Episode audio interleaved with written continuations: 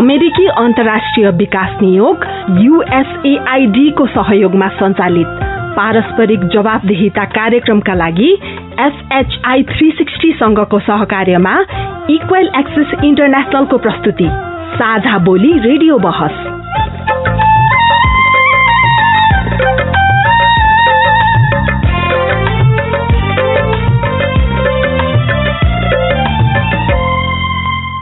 नमस्कार साझा बोली रेडियो बहसमा तपाईँलाई स्वागत छ। म दुर्गा उपाध्याय।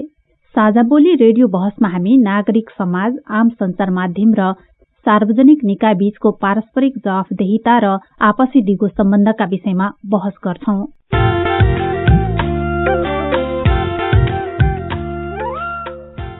पारस्परिक जवाफदेहिताका क्षेत्रीय सवाल र परिवेश समेटेर तयार पारिएको साझा बोली रेडियो बहसको यो स्थानीय संस्करण हो।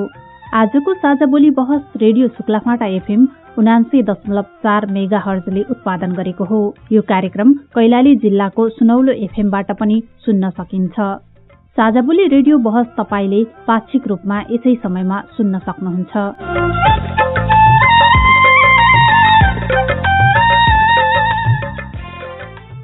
साझा बोली रेडियो बहसको यो स्थानीय संस्करणको उन्नाइसौं भाग हो। झण्डै पाँच वर्ष अघिदेखि प्रसारण भइरहेको साझा बोली यस वर्ष रेडियो बहसका रूपमा उत्पादन तथा प्रसारण शुरू भएको हो।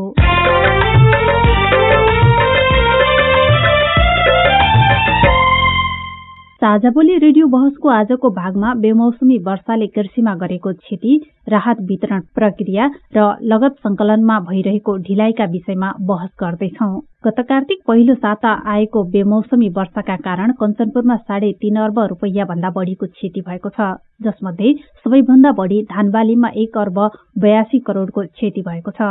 कृषि ज्ञान केन्द्र महेन्द्रनगरका अनुसार कञ्चनपुरका नौवटै स्थानीय तहमा सोह्र हजार तीन सय दुई हेक्टरमा धानबाली नष्ट भएको हो। यस्तै तोरी आलु तरकारी र केरा लगायतका बालीमा पनि क्षति भएको छ। कृषि तथा पशुपन्छी विकास मन्त्रालयले बेमौसमी वर्षापछिको बाढ़ी पहिरो र डुबान पीड़ित धान किसानलाई राहत दिने निर्णय गरेको छ। किसानले धान फलाउन गरेको लगानीको आधारमा प्रति कट्ठा तीन हजार रूपियाँका दरले निर्णय गरिएको छ। त्यसका लागि पालिका स्तरीय विपद व्यवस्थापन समितिले निर्णय गरेर जिल्ला विपद व्यवस्थापन समितिमा पठाउने र जिल्ला विपद व्यवस्थापन समितिले गृह मन्त्रालय मार्फत कृषि मन्त्रालयमा पठाउनु पर्ने प्रावधान छ। क्षतिको अन्तिम विवरण प्राप्त भएपछि वितरण गर्ने गरी संघीय सरकारले राहत उपलब्ध गराउने भनिए पनि दुई महिना बितिसकेको छ। लगत संकलन गरेको महिनौ बितिसक्दा समेत राहत नपाएपछि पीड़ित किसानहरू आफूले राहत पाउनेमा विश्वस्त छैनन्। केही छैन राहत भात भन्ने जस्तो केही पनि छैन हामीलाई त। केही मिल्न पनि मिलेको छैन केही पनि छन पनि छैन। मिल्छ भन्छन् अब त्यो कोट्टा मोट्टा लिएर हामीले के गर्ने? खानाको चारो हुनु पर्यो हामीलाई त। फर्म त भरे थियो तर त्यसको सट्टामा अब खै कहाँबाट गहुँ दियो? कट्टाको एक किलो कति दुई सय ग्राम कति दियो गहुँ? पाए छैन अहिलेसम्म। सरकारले जिल्ला विपद व्यवस्थापन समिति मार्फत क्षतिको विवरण माग गरे पनि कतिपय पालिकाहरूले भने प्रक्रिया नै नपुर्याएर आफैले लगत पठाएको देखिन्छ। जसले गर्दा सिफारिस समितिमा सबै पालिकाहरूको क्षतिको विवरण प्राप्त हुन सकेको छैन। जनतालाई चाहिँ दुःख परेको बेलामा स्थानीय पनि संघीय सरकार पनि हामीसँग छ भन्ने अनुभूति दिलाउन सक्न पर्थ्यो। त्यो चाहिँ ढिलो भएको छ। बेमौसमी वर्षा पछिको बाढ़ी तथा पहिरोले गरेको क्षतिको लगत संकलनको काम स्थानीय तहहरूले गरिसकेका छन्। तर क्षतिको लगत संकलनमा लागेको समय र संकलन गरिएको विवरण हालसम्म सरोकारवालासम्म नपुग्नुले हाम्रो सरकारी संरचना र त्यसको काम कार्यवाही प्रक्रियामा रहेको कमजोरीलाई समेत उजागर गरेको छ। जुन किसिमको प्राथमिकताबाट राख्नुपर्ने हो उच्च प्राथमिकता दिनुपर्ने त्यो भएन त यसले जनतामा के मेसेज गयो भने हाम्रो अभिभावक भएन देशमा। राज्यले हेर्नुपर्ने कुराहरू यसले अरू कुरा छोडेर पनि उच्च प्राथमिकता राख्नुपर्ने। यसमा गभर्मेन्ट तिनै तहको सरकार चुकेको मैले देखेँ। साझा बोली रेडियो बहस। अमेरिकी अन्तर्राष्ट्रिय विकास नियोग युएसएआईडी मार्फत अमेरिकी जनताहरूको सहयोगका कारण सम्भव भएको हो। यस कार्यक्रमभित्रका विषयवस्तु र सामग्री पारस्परिक जवाबदेहिता कार्यक्रमका एकल जिम्मेवारी हुन्। र यहाँ प्रस्तुत भनाइले युएसएआईडी वा अमेरिकी सरकारको विचार प्रतिबिम्बित गर्छन् भन्ने जरुरी छैन। रेडियो कार्यक्रम साझा बोली बहसमा तपाईँलाई फेरि स्वागत छ। आजको साझा बोली बहसमा हामीसँग अतिथि हुनुहुन्छ जिल्ला विपद व्यवस्थापन समिति कञ्चनपुरका संयोजक तथा प्रमुख जिल्ला अधिकारी रामप्रसाद पाण्डे तथा कान्तिपुर दैनिकका सुदूरपश्चिम प्रदेश प्रमुख वरिष्ठ पत्रकार चित्राङ्ग थापा। यहाँहरू दुवैजनालाई रेडियो कार्यक्रम साझा बोलीमा हार्दिक स्वागत छ। धन्यवाद। यहाँले यो समय दिनुभएकोमा। सवाल जवाफमा प्रवेश गर्नु अघि एकैछिन हामी सहभागीको टिप्पणी सुन्छौँ त्यसपछि हामी छलफलमा अगाडि बढ्छौँ। मेरो नाम चाहिँ खेमराज चौधरी कैलाली गाउँपालिका आठ पृथ्वीपुर मेरो त चौध कट्ठको मेरो खेतबारी थियो र बुवाको नामको थियो लगभग एक बिघा चार कट्ठा जति थियो। धान त पुरै डुबे थियो मेरो। यहाँ सबै कार्य थियो खेतमै थियो तर खरी लगाउँछ नि त खेतमा। त्यसमा बाँधेर पुरै कहाँसम्म भन्नु पाँच लगभग तिन फिट जतिसम्म पानी थियो हाम्रो खेतमा त। छन त भरे थियो तर त्यसको सट्टामा अब खै कहाँबाट गहुँ दियो? कट्टाको एक किलो कति दुई सय ग्राम कति दियो गहुँ? पाए छैन अहिलेसम्म। ओडाले भयो गाउँपालिका तपाईँले राहत अब दिन्छौँ भनेको त्यस्तो के भने तपाईँहरूलाई? भन्न त भनेको छैन जस्तो। अब के भनौँ मिल्छ भने सबैलाई मिलो छैन अब मिलेन भने त सबैलाई बराबर हुनु पर्यो। मेरो नाम लक्ष्मी सुनाल। म वडा नम्बर दसमा बस्ने बैती फाटा बगानको ठाउँमा बसेका छौँ। केही छैन। रात भात भन्ने जस्तो केही पनि छैन हामीलाई त। केही मिल्न पनि मिलेको छैन केही पनि छन पनि छैन।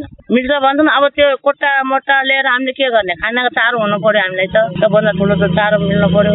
बालबच्चा पाल्नु पर्यो। एक मुन्टो चामल मिल्यो आधी किलो दाल मिल्यो आधी किलो तेल मिल्यो त्यति हामीलाई रात मिल्यो। अब हामीलाई अहिले खाने अब लगाउँ भने खेती लाग्दैन हजुर। अब यहाँमा खेती लाग्दैन के गर्ने? पानी निस्किया छ तलबाट गाउँ नलाग्ने मसुरो नलाग्ने। अब के गर्ने? अब यस्तै बसिया छ अब के गर्ने? हामीलाई त कहीँ रात सरकारले पनि कहीँ सहयोग गरे भइदिए पनि हामीलाई पनि अलिक शान्त हुन्थ्यो भन्ने लाग्छ। अब खै अब सरकारले के के गर्नुहुन्छ कस्तो गर्नुहुन्छ दिनुहुन्छ कि दिनुहुन्न कि? हामीले अब दिने भन्न हामीले जबरजस्ती गर्न पाइन्न होइन? उहाँको दया धरामा अब। हामी त बाजपिटीवाला छौँ यस्तै छौँ सधैँभरि यस्तै छौँ। मेरो नाम गणेश बहादुर साउद घोडागोडी पाठ करेका त्यसलाई खेती गरे पाँच सात कट्टामा त्यसले सिकेको थियो होइन? अनि धान बाली र प्लस चाहिँ मेरो कुखुराहरू चाहिँ गरेर फेरि त्यसको लागि फर्म भरेर त्यो कुखुराहरू चाहिँ कस्तो भयो भने मेरो अलिकति चाहिँ उसमा थियो कि सर फर्म मेरो फर्मै छ। त्यहाँ चाहिँ अलि त्यो के अरे सबै पानी बसेर त्यो के अरे डेढ सौ जति मुर्गाहरू चाहिँ हुर्किएको खतम भयो त्यहाँ। वडा कार्यालयबाट निवेदन भरेर अनि त्यो के अरे त्यसको फोटोहरू र अनि तल त्यो निवेदन चढाएको थिएँ के त्यो राहत के चिज पाउनु भयो कि पाउनु भएन के छ? केही पनि पाएन भने छ नि सर केही पनि एक एक एक पनि पाएको छैन। थाहा छैन सर। अब त्यो कसरी दिइरहेछ के गरिरहेछ त्यसको बारेमा केही पनि थाहा छैन मलाई अब त्यही हो सर अब अरू अरू त अब के हुन्थ्यो होइन त्यही मलजलको चाहिँ पनि पैसाहरू पाइदिए भयो होइन किसानहरूलाई अलिकति राहत हुन्थ्यो कि। त्यही कुरा त कहाँ कहाँ बेहोर्न सक्छ यत्रो उसलाई। होइन अब त्यही चाहिँ अब जो जो चाहिँ मलजलमा अब कति मान्छेले पन्ध्र बिस हजार चाहिँ मलजल लगाएर खर्च गरेर त्यहाँदेखि किसान के अरे बाली लगाएको हो होइन? त्यति पनि पाइदियो भने त खुसी हुन्थ्यो किसान भन्ने हो। खजनी चौधरी ठेकाना त गौरी गङ्गा एघार गाउँ झन्झटपुर। धान बालीमा त सबै भएको हो सर। अलिकति तरकारी थिएँ तरकारी पनि सबै गइसक्यो। अनि त्यो धानमा त कतै पनि बचेन हाम्रो। हाम्रो चाहिँ हाम्रो गाउँका सबै यताको। एक बिघा भन्दा अलिअलि बढी छ। जान्यो त्यही सब खेतैमा खस्यो सर अब झऱ्यो अब के गर्ने?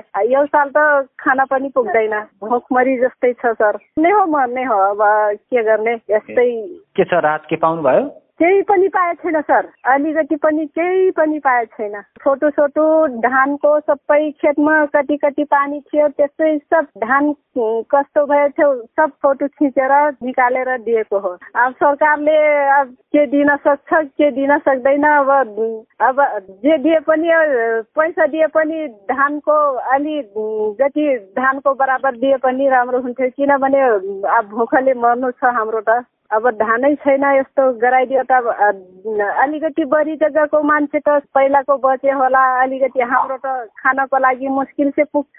त्यसैले पनि अब यस्तो बनाइदियो यो साल कहाँ पुग्ने त सम्भावनै छैन सर। सुब्बा सुनार हो मेरो नाम। अनि झुलुङ्गे पुलदेखि तलतिरपट्टि भन्नुहुन्छ उतापट्टि नदीमा महाकालदेखि त अब यतैपट्टि छ भनौँ महाकाल त अब टाढै छ भनौँ टाढा त अब भएर पनि के गर्ने हो र अब नजिकै जस्तो समस्या पर्न आयो अहिलेको वर्ष। बर्खा लगाएको धान सब बगाएर लैगयो अहिले हिउँदले फसल पनि काहीँ हुन्छ कि भन्ने आशा थियो। त्यो पानी निकासी हुने ठाउँ पनि भएन केही पनि भएन माछा पालनको जस्तो पोखरी बनिगयो। त्यसमा खेतमा गएर हेर्ने भनेपछि आत्मा दुख्छ। अब घर हेर्ने हो घर पनि खतम बना हेर्ने हो बन पनि खतम। देश परदेशमा गएको बच्चाहरू पनि घरमा रोकिए जाने समस्या भएन। केही पनि छेउ कुनै काहीँ बनाएपछि भइजान्छ कि दाना मुठो भन्ने आशामा भरोसामा बस्यौँ। अहिले केही पनि उठाएर लैहाल्यो अहिले केही पनि छैन सरकारले अब हेर विचार गरेर दया धर्म उठाउनु भयो भनेपछि देख्नु भयो भनेपछि भरोसामा छौँ। दोधरा चाँदी नगरपालिका वार्ड नम्बर दस कुतिया कबर। त्यो अहिले जो हाम्रो अनाजहरू थिए बगाएर लग्यो धानहरू बगाएर लग्यो एकदम पीडाको अवस्था भन्नु पर्यो भने सबै खाद्यान्न लुगा कपडा केही पनि रहेन। त्यहाँ फेरि आउँदो वर्षमा पनि फसल हुने हो कि होइन त्यो पनि चिन्ताको विषय। थोरै थोरै ठाउँमा जहाँ जहाँ हुन सक्छ त्यहाँ मान्छेहरू जहाँ हुन सक्ने ठाउँ छैन त्यहाँ त्यस्तै बन्जर। अहिले नछडेको टाइममा नछडेको फसलले पछि गएर हुने हो कि होइन अहिले त भुकमारी आउने छ न आउँदो वर्षमा यही बाढी हे विपदले गर्दा भुकमारी आउने सम्भावना पनि यो ठाउँमा धेरै छ। अब हामी विषयमा प्रवेश गर्छौँ। आज हामी बेमौसमी वर्षाले कृषिमा गरेको क्षति राहत वितरण प्रक्रिया र लगत संकलनमा भइरहेको ढिलाइका विषयमा छलफल गर्दैछौ। आजको पहिलो प्रश्न जिल्ला विपद व्यवस्थापन समिति कञ्चनपुरका संयोजक तथा प्रमुख जिल्ला अधिकारी रामप्रसाद पाण्डेजीलाई।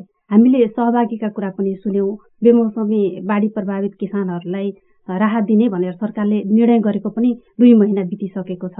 तर अहिलेसम्म पनि किसानहरूले राहत पाइरहेका छैनन्। के कारणले ढिलाइ भइरहेको छ?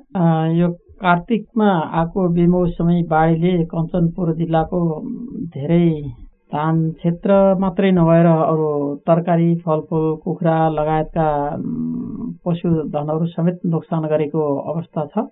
यसमा नेपाल सरकारले राहत दिने भनेर ग्रेडिङ समेत गरिसकेको छ विशेष गरेर धान बालीको। क्षति हुँदा धेरै चिजको क्षति भएको छ तर राहतको प्रसङ्ग चाहिँ अहिले धानको मात्रै उठेको छ। नेपाल सरकारले त्यसरी नै निर्णय गरेको छ। निर्णय चाहिँ दस कट्ठासम्मको पैँसठी प्रतिशत राहत दिने र दस कट्ठाभन्दा माथि तिन बिघासम्मकोलाई तिस प्रतिशत र त्यो तिन बिघाभन्दा माथिकोलाई बिस प्रतिशत दिने गरी निर्णय भएको छ। अब यो प्रक्रियामा जानलाई नेपाल सरकारले निर्णय गरिसकेपछि पहिलेदेखि नै हामीले तथ्याङ्क सङ्कलन क्षतिको विवरण सङ्कलनको लागि स्थानीय तहहरूलाई नगरपालिका र गाउँपालिकाहरूलाई हामीले पत्रचार गरेको आधिकारिक रूपमा उहाँहरूले विवरण सङ्कलन गरेर घरमूली जग्गा लाल पूर्जा सहितको फोटो क्षतिको फोटो सहितको विवरण सङ्कलन गर्ने विवरण सङ्कलन गरेर त्यहाँको स्थानीय तहले त्यसलाई फेरि त्यहाँ सूचना प्रकाशन गर्ने टाँस गर्ने र त्यसमा कसैले बढी गरेको छ कि भन्ने आधारहरूलाई फेरि मूल्याङ्कन गरेर जिल्लामा पठाउनु पर्ने अवस्था हो। त्यो विवरण आइ नपुगेको कारणले मात्रै हामी रोकिएका छौँ। अब दुईवटा पालिकाहरूको मात्रै आउन बाँकी छ। तिनीहरूलाई पनि ताकता निरन्तर त्यो पत्रचार मार्फत फोन मार्फत अरू सम्पर्क माध्यम मार्फत चाहिँ उहाँहरूलाई भनिराखेका छौँ। सायद आज भोलिमा त्यो आइपुगेपछि जिल्लाले यो समग्र तथ्याङ्कलाई चाहिँ गृह मन्त्रालयमा पठाउँछ र गृह मन्त्रालयले क्षतिको विवरणको लागि निकासा रकम निकासाको लागि अर्थ मन्त्रालयमा पठाउँछ। त्यसरी अर्थ मन्त्रालयबाट रकम आइसकेपछि यहाँको क्षति मूल्याङ्कन गर्ने जिल्ला स्तरको फेरि अर्को समिति छ। प्रमुख जिल्लाधिकारी अथवा प्रमुख जिल्लाधिकारीले तोकेको द्वितीय क्लास भन्नाले सहायक सिडिओ साहबको नेतृत्वमा हुने गरी समिति छ। त्यो समितिले मूल्याङ्कन गरिसकेपछि कोलेनिकामा उहाँहरूको खातासहित विवरण पठाएपछि बल्ल यो जनताले राहत पाउने अवस्था चाहिँ हाम्रो कानुनी प्रक्रियागत व्यवस्था भएको छ। त्यसको लागि जनताको घर दैलोमै रहेका स्थानीय तहबाट आउन पर्ने विवरण नआइपुगेको कारणले मात्रै अहिलेसम्म रोकिएको अवस्था हो। के कारणले चाहिँ स्थानीय तहहरूले तथ्याङ्क सङ्कलन गर्न सकेनन् अथवा त्यो जिल्ला विपद व्यवस्थापन समितिसम्म पठाउन नसकेको देखिन्छ? अब यो हरेक गाउँपालिकामा कृषि शाखा पनि छ कृषिका प्राविधिक जनशक्ति पनि छ। अब यो विपदको अवस्था भएको हुनाले तथ्याङ्क चाहिँ तुरुन्तै सङ्कलन गरेर पठाउनु पर्ने हो। यो चाहिँ मानवीय कुरो जो जसले यहाँ अहिले यहाँहरूले आफ्नो बाइटमा चाहिँ सुनाउनु भयो सरकारको तर्फबाट राहत आउनु पर्ने रा नभयो भने भोकमरीको अवस्थामा रहन पर्ने करुणादायी अवस्था छ व्यथा छ जनताको त्यसलाई सम्बोधन गरेर तथ्याङ्क मात्रै पठाइदिन अनुरोध गरिएकोमा पनि तथ्याङ्क आइ नसकेको अवस्थाले हामी पनि अलिक चिन्तित छौँ। त्यो आउने बित्तिकै हाम्रो चाहिँ प्रक्रिया आएकै अर्को दिनदेखि सुरु हुन्छ। अब त्यो यहाँको एफएम सुनिरहनु भएको पीडित व्यक्तिहरूलाई पनि हामीले के अनुरोध गर्छौँ भने सङ्घीय सरकारसम्म विवरण आइ नपुगेको कारणले मात्रै यो रोकिएको सरकार चाहिँ दिने गरी तयारी अवस्थामा छ। यही प्रश्न म वरिष्ठ पत्रकार चिताङ्क थापाजीलाई गर्न चाहन्छु। पीडित किसानहरूले समयमै राहत नपाउनुको कारण के हुन सक्छ? कञ्चनपुरको प्रमुख जिल्ला अधिकारीज्यूले भन्नुभयो वास्तवमा अब त्यो तत्कालको राहत अलिकता अब विस्थापित परिवारहरूलाई साँझ बिहानको खानासाना दिने उनीहरूको चाहिँ अस्थायी बसोबासको व्यवस्था गर्ने काममा पनि त्यति बेला जनशक्ति जुटेको हो। र यो कस्तो भयो भने जस्तो मलाई लाग्छ भने कुनै एउटा ठाउँ विशेषमा मात्र नभएर समग्र यो देशका विभिन्न भागमा खास गरी सुदूरपश्चिम सबैभन्दा बढी प्रभावित भएको अवस्था छ। पहाडमा बाढी पहिरोले ठुलो नोक्सान भयो। पहिरोमा भएका व्यक्तिहरूको अझसम्म पनि पत्ता लाग्न सकेन। तपाईँको बजानको केस छ। सरकार त्यति बेला मानवीय उद्धारमा लागेकै हो। हेलिकप्टर पठाएर उद्धार भयो। त्यसपछि दोस्रो चरणमा आउँदाखेरि कैलाली कञ्चनपुर खास साप हामीले भन्नु पर्दा धान फसल धेरै खेतको खेतमै काटेको पनि भित्र नपाएको काट्न नपाएको अब काटेको खेतमै रहेको सबै नोक्सान ठुलो नोक्सान भएको छ अर्बौँको क्षति भएको छ। अब एउटा पत्रकारको हिसाबले भन्नु पर्दाखेरि के लाग्छ मलाई भन्दाखेरि सरकार भनेको जहिले पनि लोक कल्याणकारी राज्यको चाहिँ एउटा अवधारणा अनुसार अगाडि बढ्नुपर्छ। सरकार तिन तहको सरकार छ हामीसँग। कसले के गर्न सक्छ? तत्काल अब गर्ने सहयोगहरूमा जुन किसिमले जुट्नुपर्ने समन्वय हुनुपर्ने त्यो केही अभाव हामी कहाँ पहिलेदेखि रहँदै आएको छ। अब सङ्घीय सरकारको तर्फबाट भन्यो भने सामान्य प्रधानमन्त्रीज्यूदेखि लिएर सबैले स्थलगत हेरेको छ। अब पीडितहरूको उहाँहरूको समस्या बुझेको अवस्था छ। अहिले प्रमुख जिल्ला अधिकारीज्यूले भन्नुभयो यो कुरालाई स्थानीय तहले पालिकाहरूले प्राथमिकता दिनु पर्थ्यो दुईटा पालिकाले जस्तो हामी कहाँ नौवटा छ। नौवटामा सातवटा आइसक्यो दुईटाले गर्दाखेरि टोटल विवरण पठाउन नसक्नु भनेको यो स्थानीय तहको अलिकति ठुलो कमजोरी देखिन्छ। हामीहरू गाउँघर जाँदाखेरि सबैले यही कुरा भन्छन् राहत केही पनि पाएन कराउँछन्। त्यो राहत मिल्थ्यो समयमै एउटा भन् भनिन्छ नि न्याय पनि समयमै दिएको न्याय चाहिँ काम लाग्छ भने जस्तै उनीहरूको गाउँबाली छर्ने समय आयो मलबिउ किन्ने कुराहरू आयो यो धान बेचेर पुरानो ऋण लिएको त्यो गर्ने तिर्नुपर्ने थियो त्यो गएन। अब यो मङ्सिरमा कतिपय बिहेबारी थियो त्यो खर्च जुटाउने सबै समस्या पर्यो अब यस्तो भयो भने एउटा साइकल नै पुरै एउटा प्रणाली नै पुरै खलबलिएको अवस्था छ। म त के भन्न चाहन्छु नेपाल सरकारलाई र सरकारको सबै निकायलाई के भन्न चाहन्छु यसलाई उच्च प्राथमिकतामा राखेर जति सरकारले दिन सक्ने हो त्यो रकम तत्काल त्यो राहत सहयोग पीडित समक्ष पुगोस्। त्यो पुगेको छैन यो दुःखदायी कुरा हो। जस्तो समयमै राहत नपाउँदाखेरि किसानले थप के के पीडाहरू भोग्नु परेको छ अथवा कस्ता खालको समस्याहरू देखिएको छ? अब पहिलो कुरा त प्राकृतिक यो प्रकोपले गर्दाखेरि एउटा खेती प्रणालीको साइकल नै बिग्रिएको अवस्था छ। पहिलो कुरा त। किनभने तोरी ढिला छरियो गहुँ ढिला छरियो ती खेतहरू कतिपय ठाउँमा नदिनै पसेर कैलालीको पूर्वी भेगको कुरा गर्दाखेरि या हामी महाकालीको यो कुतिया कबरदेखि आम्भोज क्षेत्रको त्यो कुरा गर्दाखेरि के छ भने त्यो बाढी भित्रै पसेर पुरा जमिन पाटेको छ बालुवा थुप्रिएको छ। कतिपय यो चुरे बस्तीभन्दा मुनि उसमा चाहिँ त्यो सबै त्यस्तो किसिमको चाहिँ गगरानहरू आएर खेत पुरिएको अवस्था छ। त्यसले गर्दाखेरि यसको असर त दुई तिन वर्षसम्म अझ देखिन्छ। अब धान फसलले एउटा अब प्रमुख खेती भनेको धान र गहुँ नै हो कहाँ। अब यो तोरी उखु लाउनेहरू कम छ। अरू फसलमा पनि यसले प्रभाव पार्यो भने सबभन्दा अब अहिले पछिल्लो चरणमा के भइरहेछ भने अधिकांश साना किसानहरू यो बजार क्षेत्र आसपासमा तरकारी खेतीमा लागेको अवस्था छ। हिउँदे तरकारीमा समेत यसले प्रभाव पारेको। आलु भर्खरै ड्याङ लगाएको थियो। त्यो समेत पुरिएको तरकारी नै लगाएको काउलीका बोटहरू सबै बगाइदिएको। हामीले कैलाली कञ्चनपुरकै यो बेलौरी क्षेत्रमा लालझाडी क्षेत्रमा त्यो कुराहरू स्थलगत भ्रमणमा पनि देख्यौँ। एउटा खेती प्रणालीको पुरै प्रणाली नै खलबलिएको अवस्थामा यो राहतले त तत्काल उनीहरूको खर्च अलिकता घर खर्च र अरू जुटाउन सक्छ। तर सरकारले अझै गर्नुपर्ने कुरा के छ भने मल बिउको कुराहरू छ। उनीहरूलाई कसरी उपलब्ध गराउनु पर्ने देखिन्छ। त्यस कारण सबैभन्दा महत्त्वपूर्ण कुराहरू त्यही धान बेचेर अथवा चामल बेचेर तरकारी बेचेर जसले एउटा खेतीपाती गरेर आफ्नो घर गुजारा चलाएको निम्न आय वर्गको साना किसानहरू थियो तिनीहरू सबैभन्दा ठुलो समस्यामा परेका छन्। त्यसैले होला सरकारले पनि दस कट्टासम्म यति भनेर एउटा राखेको छ। अब यसले अर्को एउटा चाहिँ समस्या के देखि देखिरहेको छु मैले भनेदेखि हाम्रो यो अब भारततिर रोजगारीको लागि जाने जुन क्रम छ त्यो अझै बढ्न सक्छ अझै मान्छेहरू विस्थापित हुन सक्छन्। पहाडको मानिसहरू अब बझाङ बाजुरा पहिरोले भएको व्यक्तिहरू पनि त्यहाँ तराईतिर झर्नुपर्ने अवस्था आउँछ। अनि अब भारतमा कोरोनाको प्रकोप परेको छ यस्तो जोखिम मोलेर चाहिँ भारततिर जानुपर्ने सीमामा अब उनीहरूले ओहोरदोहोर गर्नुपर्ने अवस्था आउन सक्छ यस्तो बेलामा चाहिँ अब स्थानीय तहमा कुन चाहिँ रोजगारी उपलब्ध गराउने उनीहरूलाई त्यो राहत दिएकोलाई एउटा कृषिबाट पशुपन्छी क्षेत्रबाट अरू क्षेत्रबाट सरकारी सबै निकायहरू एउटा लामो करिब करिब एउटा योजना बनाएर दुई वर्ष तिन वर्ष योजना बनाएर उनीहरूलाई उनीहरूलाई हामी छौँ भन्ने एउटा आभास दिनुपर्ने अवस्था देखिरहेको छु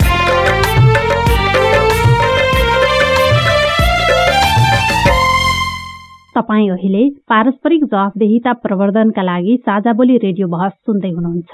हामी कुरा गरिरहेका छौं बेमौसमी वर्षाले कृषिमा गरेको क्षति राहत वितरण प्रक्रिया र लगत संकलनमा भइरहेको ढिलाइका विषयमा। र हामीसँग हुनुहुन्छ जिल्ला विपद व्यवस्थापन समिति कञ्चनपुरका संयोजक तथा प्रमुख जिल्ला अधिकारी रामप्रसाद पाण्डे तथा वरिष्ठ पत्रकार चित्राङ्ग थापा। यतिन्जेल हामीले बेमौसमी वर्षाले कृषिमा गरेको क्षति राहत वितरणमा भइरहेको ढिलाइ र त्यसले पीड़ित किसानलाई पर्ने समस्याका बारेमा छलफल गरेका छौं। र यसरी हुने ढिलाइले हाम्रो सरकारी संरचना र त्यसको काम कार्यवाही प्रक्रियामा रहेको कमजोरी उजागर गरेको निष्कर्षमा पुगेका छौं। साझा बोली रेडियो बहसमा अझै बेमौसमी वर्षापछि भएको क्षतिको लगत संकलनमा भइरहेको ढिलाइ र त्यसमा लक्षित समुदायको पहुँचका विषयमा पनि छलफल गर्नेछौं।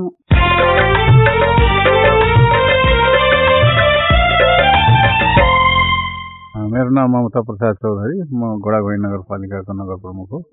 अस्ति यो बेमौसमी बाढीले हाम्रो पालिकामा खास गरी धान बालीलाई निकै नोक्सान गर्यो। करिब करिब साठी प्रतिशत भन्दा बढी धान बाली चाहिँ एकदमै नोक्सान भयो भन्ने हाम्रो आकलन छ।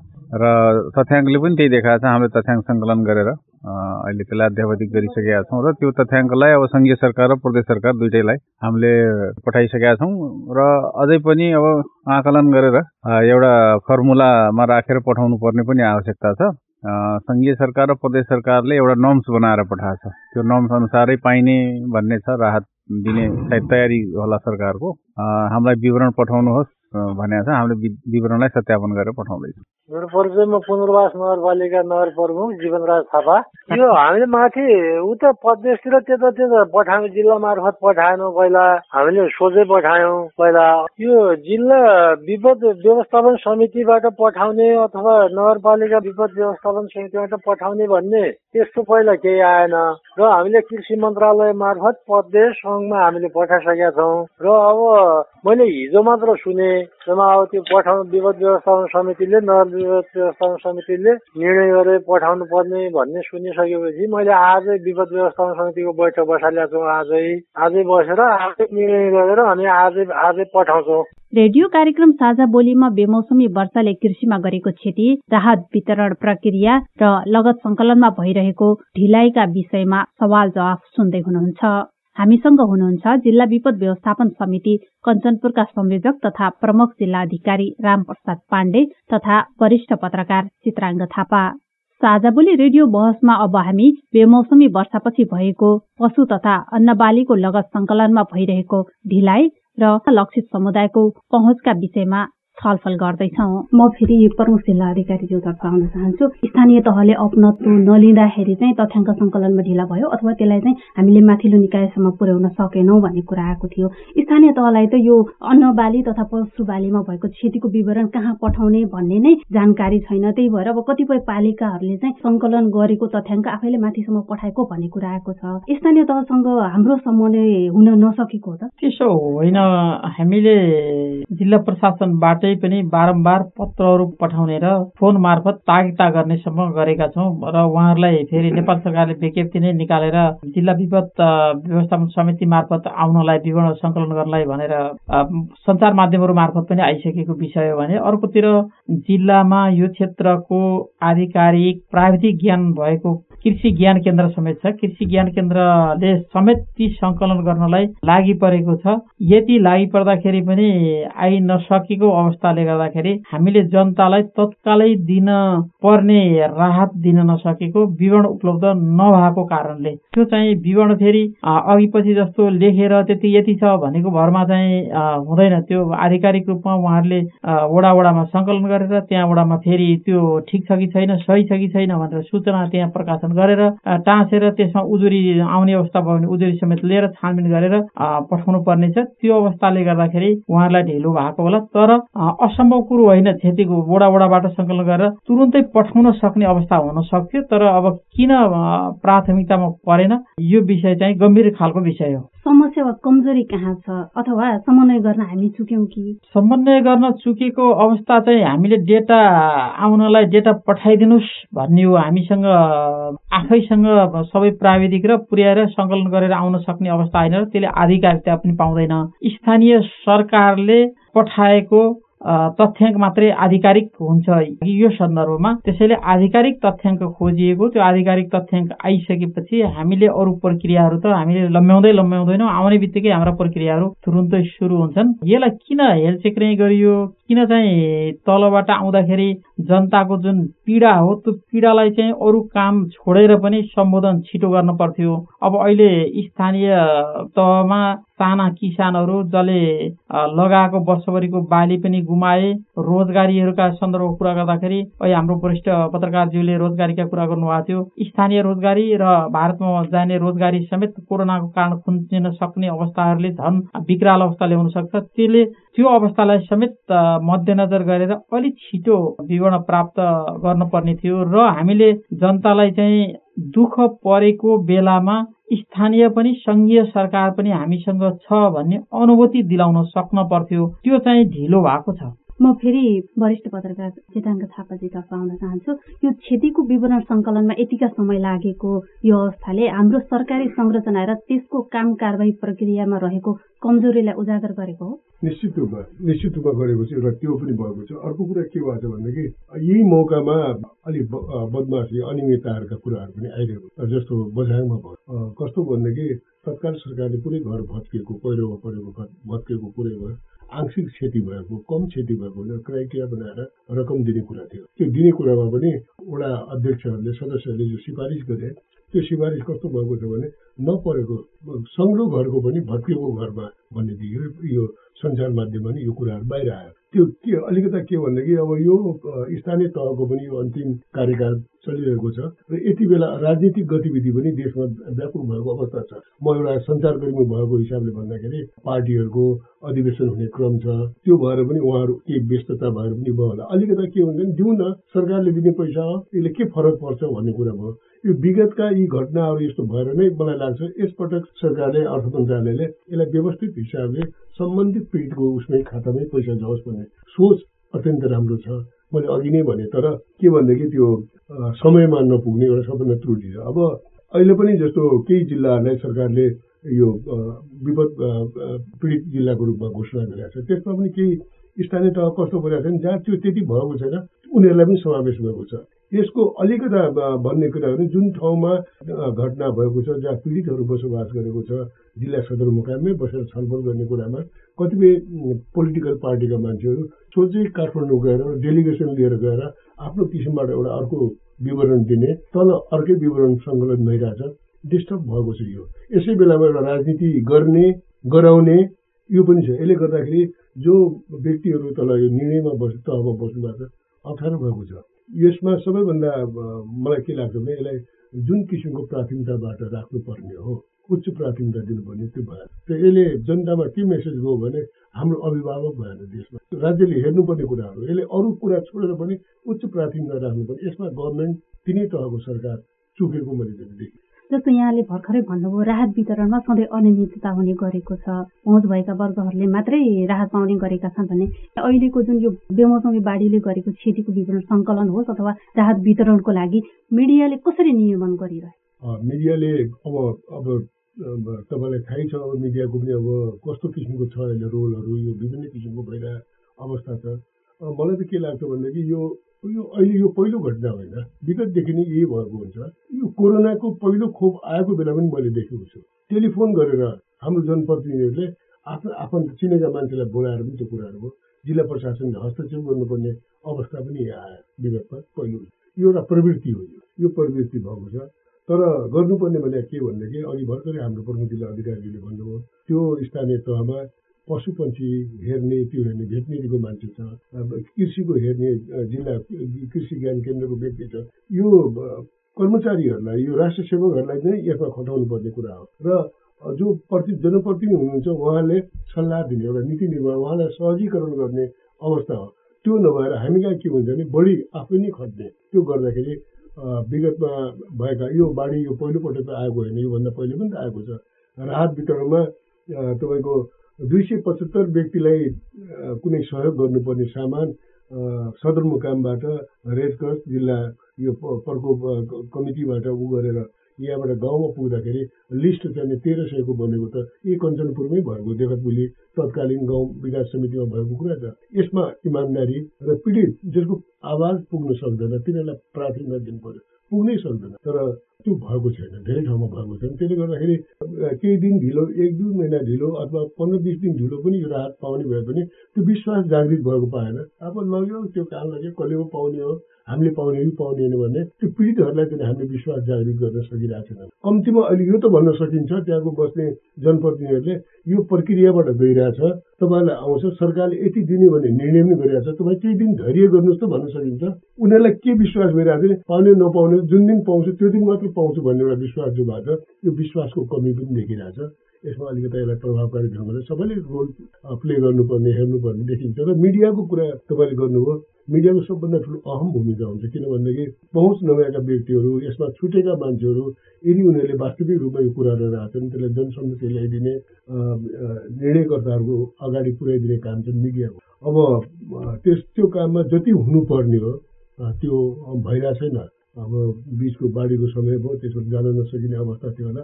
तर अहिले अब जब वितरण गरिन्छ यसमा छुटपुट भएका व्यक्तिहरू लगतमा नपरेका मान्छेहरू तिनीहरूको हामीले त निगरानी गर्नुपर्ने उनको आवाजलाई बाहिर ल्याइदिनुपर्ने आवश्यक छ। यो सरकारले बाढी प्रभावितलाई दिने भनेको राहत वास्तविक किसानसम्म पुग्ने सम्भावना कति छ? अब अहिले भर्खरै हाम्रो प्रमुख जिल्ला अधिकारीले जुन भन्नुभयो जो यसको चाहिँ सङ्कलन गर्नेदेखि माथि गएर अर्थ मन्त्रालयसम्म पुग्ने जुन एउटा चाहिँ चयन छ यो हेर्दाखेरि त के हुन्छ भने सरकारले निर्णय गरेको छ। सरकारले तत्काल यो बाढीले प्रकोप हुने बित्तिकै प्रदेश सरकारका कृषि मन्त्री र कृषि सचिवहरूलाई बोलाएर यसलाई समन्वयको साथ अगाडि बढ्नुपर्छ भनेर एउटा काठमाडौँमा मिटिङ भएको छ। अब त्यो भएपछि सबैले एउटा समन्वयकारी भूमिका निकाय निर्वाह गरेर अगाडि बढ्ने सरकारको नीति हो। अब महत्त्वपूर्ण कुरा के हो भने त्यो विवरण कसरी सङ्कलन भएको छ? अनि भर्खरै प्रमुख जिल्ला अधिकारीजीले भन्नुभयो कि ओडा तहमा जाने उजुरी हेर्ने सार्वजनिक सूचना गर्ने। अब यो कहिले काहीँ कोही हुन्छ नि त्यो कहिले सूचना निस्कियो कहिले के निस्कियो त्यो थाहा नहुने वर्ग पनि एउटा सीमान्त क्षेत्रमा नदी किनारमा बसेको छ। हुनसक्छ त्यो त्यहाँबाट गइसक्यो होला। तपाईँले एउटा कुरा यो गर्दा गर्दै जस्तो मलाई एउटा लागेको कुन वर्ग छुट्न सक्छ भन्ने कुरामा खास गरी हाम्रो अधिकांश मान्छेहरू झन् यो अधिया जग्गा कमाउनेहरू छन्। जग्गा जग्गा धनी अरू नै हुन्छ अधिया कमाउने वर्षभरि मेहनत उनीहरूले गर्नुपर्ने बुझाउनु पर्ने जग्गा जसको नाममा छ उसले भोलि पैसा पाउँदाखेरि त्यो अधियावालालाई के हुन्छ ए दोस्रो ठेक्कामा जग्गा ठेक्कामा लिएर वर्षको तिस हजार चालिस हजार बिघाको हिसाबले बुझाएर जो खेतीपाती गरेका किसान छन् ती छुट्छन् कि भन्ने मलाई एउटा चिन्ता लागेको छ। किनभने असली कृषक त त्यही हो। जुन रूपबाट गऱ्यो भने। यदि मल बिउको उसले पाएको उसले जग्गा धनीले खर्च गरेको पैसा कटाएर उसको मेहनत अनुसारको पैसाको कुन हिसाबले दिन्छ। त्यो एउटा। र अब यो विस्थापित भएका त्यो ठाउँबाट केही पनि बाँकी नरहेर कोही अन्यत्र गएर बसेका अथवा श्रीमान श्रीमती नै भारततिर रोजगारी लागि गएका यस्तो व्यक्तिहरू छुट्छन् कि भन्ने लागेको छ। तर यो अब नेपाल सरकारले आफूले गरेको निर्णय यो निर्णय कार्यान्वयन गर्दैन भने त्यो त्यसमा त के सरकारको भरोसै रहेन अनि यो लोक कल्याणकारी राज्यको त कुरै नगरे पनि भयो। त्यस कारण यो अवश्य दिन्छ। दिन्छ तर ढिलो भइहाल्छ।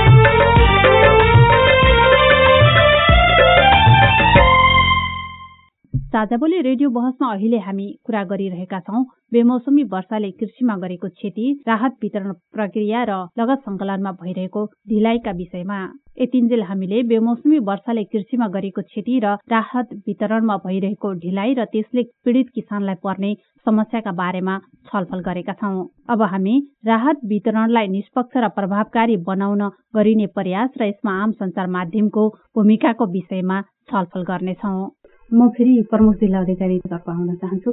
यो सूचनाहरू सार्वजनिक गरिसकेपछि तथ्याङ्क सङ्कलन गर्छौँ त्यसपछि सूचना सार्वजनिक गर्छौँ त्यसमा उजुरी आयो भने त्यसको आधारमा चाहिँ हामी माथि पठाउँछौँ भन्ने कुरा जुन गर्नुभएको थियो। त्यसको यो सार्वजनिक सूचनाहरू प्रकाशित भयो भएन भनेर नियमन कसले गरिरहेछ? कसरी गरिन्छ? यो चाहिँ वडाबाटै सङ्कलन गरेर वडामै निकालेर त्यो सूचनाहरू वास्तविक छ कि छैन सङ्कलन गरेको तथ्याङ्क भनेर जनताले त्यही विरोध गर्न नपाउनेले पायो कि? पाउँछ आउँछ कि व्यथिति हुन्छ कि भनेर व्यथिति नियन्त्रण गर्नको लागि स्थानीय स्तरमै वडामै बस्तीमै सूचना प्रकाशन गरिदिने हो। अनि विरोध आयो भने त्यसमा चाहिँ करेक्सन गरेर उहाँहरूले पठाउने हो। त्यो गर्दाखेरि तलैबाट शुद्ध तथ्याङ्क आउँछ र हामीले पाउन पर्नेले पाउँछ पाउन नपर्नेले पाउँदैन भन्ने मान्यता नेपाल सरकारले राखेको छ। अहिले चित्राङ्ग सरले उठाएको विषयमा चाहिँ मैले प्रवेश गरेँ। जसले अरूसँग ठेक्कामा लिएर अथवा चाहिँ अधिया गरेको छ त्यसलाई समेत दिने व्यवस्था छ। सरकारले त्यसको पनि व्यवस्थापन गरेको छ। जुन उनीहरू बिचको करार सम्झौता गरेको पेपर पेश गरेपछि त्यो लाल पूर्जाको पेश गरिसकेपछि उसको नागरिकता राखेपछि हामीले यो दुरुपयोग नहोस् भनेर नेपाल सरकारले कस्तो गरेको छ भने अन्तिम सिफारिस जिल्ला प्रशासनको एउटा समिति सिफारिस समितिले गर्छ। त्यो सिफारिस कोलेनिकामा जान्छ। नेपाल सरकारले कोलेनिकामा निकासा दिन्छ। कोलेनिकाले जो जो किसान हुन् किसानको खातामै हालिदिन्छ। त्यो कोही मार्फत कसै मार्फत त्यहाँ अर्को बिचमा कोही प्रवेश गर्ने अवस्था रहँदैन। त्यसो भएर सिधै पाउने अवस्था छ। डाइरेक्ट आफ्नै खेतबारीमा गरेको किसान अधिया लिएर गरेको किसान ठेक्कामा गरेको किसान सबैले चाहिँ नेपाल सरकारले तोकेको मापदण्डभित्र रहेर राहत चाहिँ प्राप्त गर्ने अवस्था छ। यो क्षतिको विवरण सङ्कलनमै दुई महिना बितिसक्यो। अब किसानहरूले राहत चाहिँ कहिलेसम्म पाउँछन्? सम्भावना के छ? यो त हामीले तथ्याङ्क आइसकेपछि हामी असाध्य छिटो गर्छौँ। मैले चाहिँ कुरो मेरो नियन्त्रणभित्रको मात्रै गर्नुपर्छ। अब तलबाट आउने विषय पनि मैले आइहाल्छ। भन्दाखेरि नराम्रो हुन्थ्यो। त्यसैले यो समय यत्रो लागिसकेका छ। हामी कहाँ आउने बित्तिकै हामीले गृह मन्त्रालयमा तुरुन्तै चाहिँ विवाद समितिको बैठक बसेर अथवा सिफारिस समितिको बैठक बसेर हामीले गृह मन्त्रालयमा पठाइसक्छौँ। गृहले अर्थमा रकम निकासका लागि माग गरेर पठाउने र उहाँबाट कोले निकाससम्म आउनेको त्यो ग्याप छोडेर अरू बाँकी त हामीसँग आइसकेको तथ्याङ्क हुन्छ। हामीले कसले निकालेर तुरुन्तै निकास आउँछ। त्यो बिचको अन्य निकायबाट हुने प्रक्रियालाई मैले यति दिनभित्र हुन्छ भन्दाखेरि अन्याय हुन्छ जस्तो लाग्छ।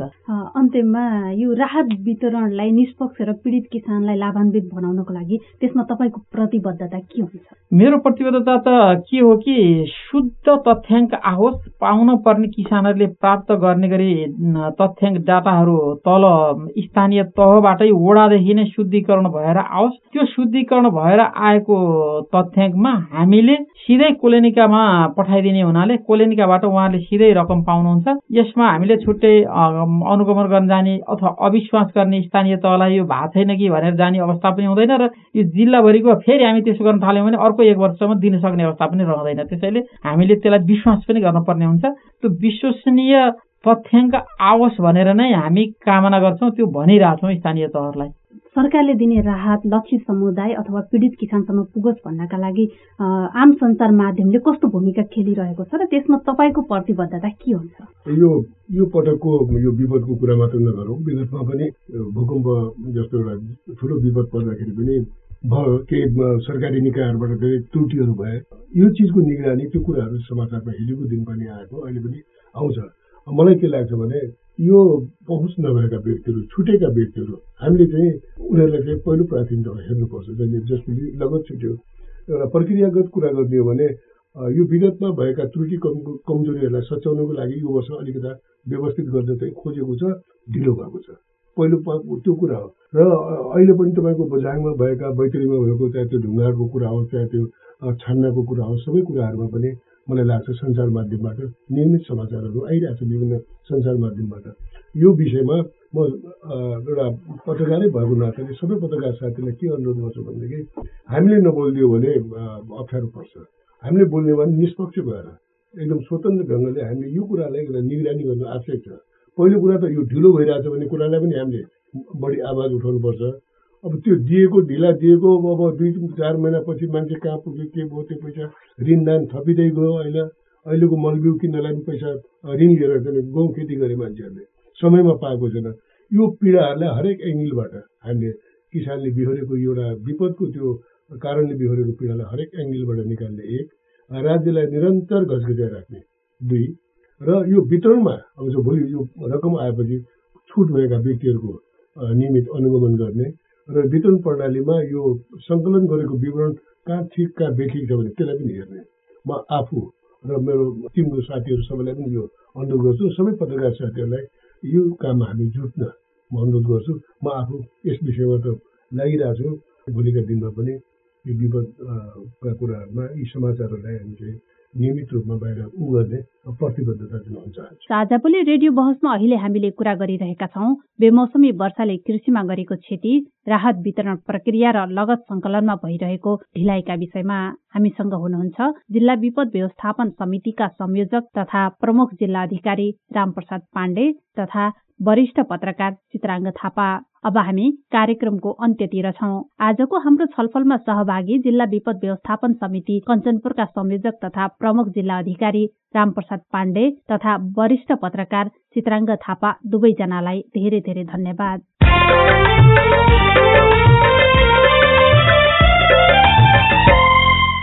हामी साझाबोली रेडियो बहसको अन्त्यमा आइपुगेका छौं। साझा बोली रेडियो बहसबारे मनका कुरा भन्नका लागि एनटिसीको मोबाइल वा ल्यान्डलाइन प्रयोग गर्नुहुन्छ भने सोह्र साठी शून्य एक शून्य शून्य चार पाँच नौमा फोन गर्न सक्नुहुन्छ। एनसेल प्रयोग गर्नुहुन्छ भने अन्ठानब्बे शून्य पन्ध्र एकहत्तर शून्य उन्तिसमा फोन गर्नुहोला। यी नम्बरहरूमा फोन गरेको पैसा लाग्दैन र प्राप्त निर्देशन अनुसार प्रश्न सोध्न सकिन्छ।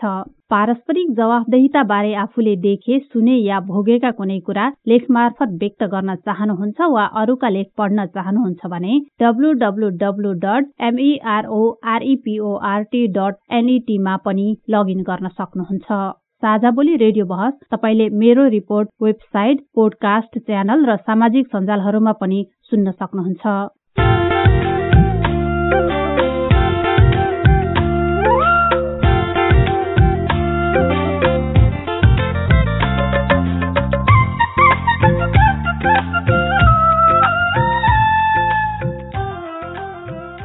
हवस् त। आजको साझा बोली रेडियो बहसबाट अब विदा हुने समय भयो।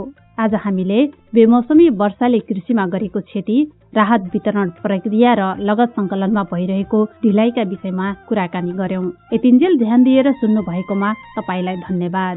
आगामी श्रृङ्खलामा पनि आजको जस्तै समयमा सार्वजनिक जवाफदेहिताको अर्को विषयमा छलफल लिएर आउनेछौ। सुन्न नबिर्सिनुहोला। आजको कार्यक्रमबाट म दुर्गा उपाध्याय विदा भए। नमस्कार।